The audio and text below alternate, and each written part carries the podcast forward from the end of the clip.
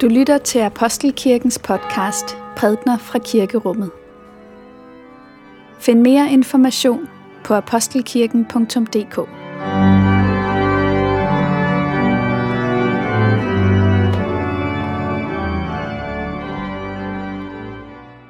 Godmorgen og velmødt til gudstjeneste i Apostelkirken på denne anden søndag i fasten. Vi skal høre beretningen fra Matteus evangeliet kapitel 15 om den kananæiske kvinde, der trænger sig ind og påtvinger sig Jesu opmærksomhed på grund af hendes øh, datter, som er i stor nød. Dette hellige evangelium skriver evangelisten Matthæus. Jesus gik bort derfra og drog til områderne ved Tyrus og Sidon. Og se, en kananæisk kvinde kom fra den samme egen og råbte, Forbarm dig over mig, herre, Davids søn. Min datter plages slemt af en dæmon. Men han svarede hende ikke et ord. Og hans disciple kom hen og bad ham, send hende væk. Hun råber efter os. Han svarede, jeg er ikke sendt til andre end til de fortabte for af Israels hus. Men hun kom og kastede sig ned for ham og bad, Herre, hjælp mig. Han sagde, det er ikke rigtigt at tage børnenes brød og give det til de små hunde. Men hun svarede, jo herre, for de små hunde æder da de smuler, som falder fra deres herres bord. Da sagde Jesus til hende, kvinde, din tro er stor. Det skal ske dig, som du vil. Og i samme øjeblik blev hendes datter rask. Lad os bede. Må min munds ord og vores hjerters tanker være dig til behag, o Gud. Amen. Kvinden i dagens tekst indleder sin henvendelse til Jesus med præcis de samme ord, som vi har indledt vores gudstjeneste i dag med. Og som vi i øvrigt indleder hver eneste gudstjeneste, vi har her i kirken med. Og de ord lyder, Herre forbarm dig, eller som der står på græsk, Kyrie eleison. Sammenhængen er selvfølgelig en anden. Hun trænger sig ind. Hun råber. Øh, man fornemmer en masse modstand, en masse følelser, som kæmper i hende. Vi sidder her sådan rimelig jævnt fordelt i et kirkerum med passende afstand og med et papir foran os, hvor vi læser, Herre forbarm dig, Kyrie eleison. Og alligevel er situationen i grunden præcis den samme. Det er det samme, der udspillede sig her for et øjeblik siden, som udspillede sig dengang for 2000 år siden i Sidon og Tyros' egne. Kvinden var mor. Hun havde en datter, som havde det rigtig skidt. Og det var en form for lidelse, som hun ikke var herre over. Hun kunne se hende derhjemme lide og hun erfarede sin egen magtesløshed over for den lidelse. Det var ellers en mors fornemmeste opgave at skabe trygge rammer om sit barns øh, opvækst. Sørg for, at der ikke tilstøder dem noget ondt. De bliver ikke bliver udsat for meningsløs lidelse, men det kunne hun ikke gøre. Hun kunne ikke være en ordentlig mor af omstændigheder, der var ude af hendes hænder. Og derfor må hun have følt afmagt. Og jeg forestiller mig, at det har arbejdet i hende denne følelse af afmagt over for et barns, sit barns lidelse. Og så er det som om, nu det kommer det så op i dette råb. Kyrie læseren, herre forbarm dig. Nu har hun sagt det. Nu har hun, det er status. Det er derfor, jeg kommer til dig, Jesus. Og vi andre, du og jeg, ja, vi er jo samlet her i kirken en del af os har vores faste gang her i kirken. Det er ligesom en, øh, en rutine, at vi samles her søndag formiddag og siger disse ord, Herre forbarm dig øh, sammen og til hinanden. Og måske nogle af os, når vi siger dem, virkelig fornemmer en form for resonans af vores levede liv. Måske der har været billeder, vi har set på nyhederne, mennesker, vi har mødt, konflikter, vi har været en del af, Smerte i vores eget liv, som ligesom har resoneret, da vi sagde disse ord. Herre, forbarm dig over mig. Måske ikke. Måske er det for nogle af os sådan, at vi befinder os i en periode i vores liv, hvor vi egentlig synes, at det går meget godt. Vi er omgivet af gode mennesker. Vi kan fyldes i vores arbejde. Alting synes ligesom at, at, at, at, at, at pege vores vej. Vi trives, vi udfolder os. Og alligevel så mødes vi her for at sige, kører jeg i læseren, herre forbarm dig. Ikke som en meningsløs sådan øh, gentagelse eller selvplan, men som en form for disciplin, vi lægger ind over vores liv. Vi ved, at det er godt for os en gang om ugen at stille sig ind i rækken af mennesker, der har det sådan, at de må sige, forbarm dig herre. For når vi gør det, så bliver vi mindet om vores egen grænse. Vi bliver mindet om, at vi ikke er mennesker, der er herre i eget hus. Vi er ikke vores eget liv mægtige. Vi er afhængige. Vi har brug for, at vi bliver barmhjertighed til del.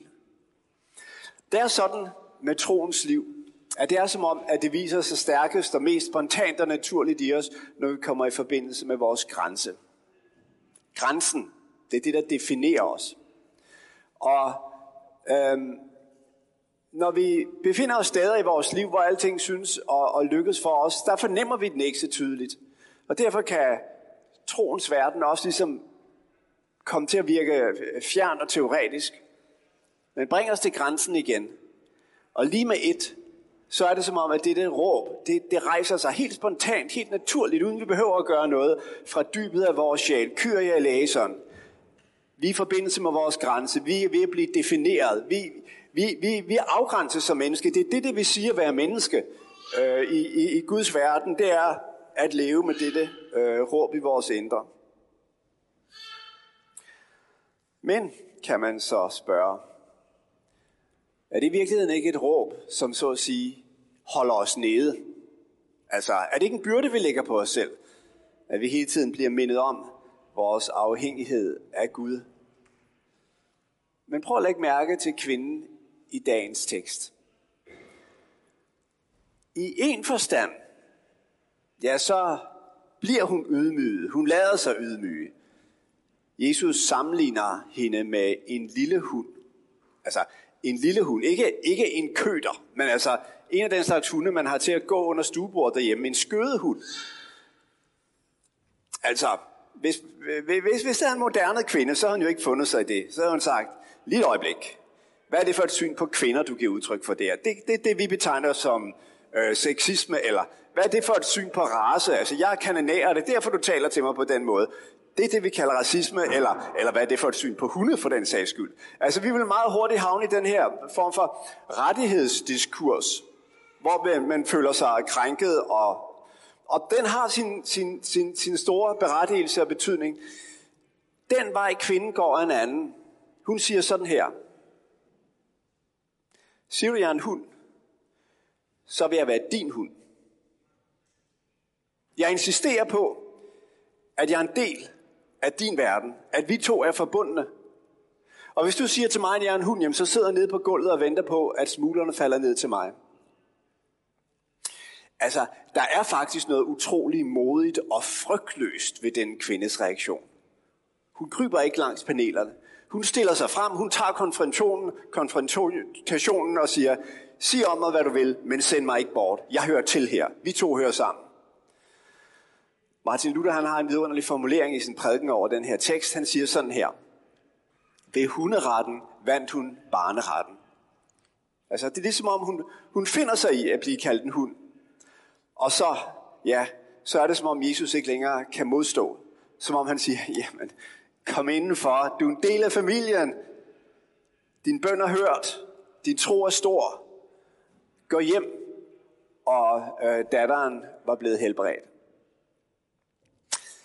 Se, det er som om den her kvinde, hun udtrykker en form for spænding, der ligger i troen.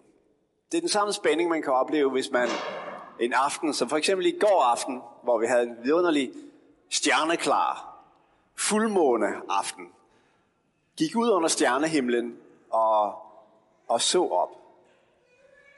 Så sker der to ting med os. Den ene ting, der sker, det er, at vi bliver klar over, hvor små vi er. At vi bare er støvfnug universet. At vi er her et øjeblik, så er vi gået at vi er så ufatteligt små i forhold til det store, der omgiver os. Det er den ene ting, vi gør små. Den anden ting, der sker, det er, at vi forstår, hvor ufattelig stor en sammenhæng vores liv indgår i. At vi er en del af noget meget stort der er højt til himlen, der hvor vi lever vores liv. Og det er den dobbelthed, som i grunden ligger i, i troens bevægelse. Den dobbelthed, der også ligger i den bøn, Jesus lærte os at bede. Fader, hvor du som er i himlen, fader, altså det tætteste, det næreste, mest intime forhold mellem mennesker. Himlen, det fjerne sted, vores far er himlen og jorden skaber. Det er ham, der holder det hele i sin hånd. Det er ham, der har overblikket, men som altså samtidig er vores far. Det er den samme spænding, vi fornemmer i, i, i kvinden, den kanadiske kvinde. At hun på den ene side set insisterer, på den ene side set, så at sige, accepterer sin plads i periferien. Under bordet. Hun insisterer ikke på, nej, jeg vil ind i centrum. Jeg vil, jeg vil anerkendes for det er. Hun insisterer på sin lidenhed, men samtidig siger hun, jeg hører til i det her hus. Jeg er en del af hjemmet. Send mig ikke bort. Jeg er klar til at være lille, når jeg bare bliver lille i min relation til dig.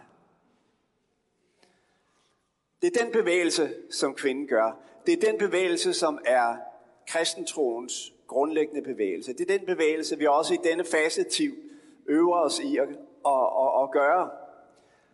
Så lad os bruge de kommende uger, fasteugerne, til at øve os i denne lille bøn. Kyr jeg i læseren. Herre, forbarm dig.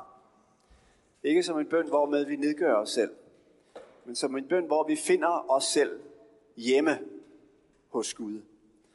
Som hans elskede børn. I en verden, det kan være svært at overskue. Hvor der sker ting, vi ikke kan forstå og begribe. Men hvor vi har lov til at insistere på, at vi ikke er alene i det. Han er hos os, han er med os, vi hører ham til. Lov og tak og evig ære være dig, vor Gud, Fader, Søn og Helligånd, du som var og er og bliver en sand treenig Gud, højlovet fra første begyndelse, nu og i al evighed. Amen.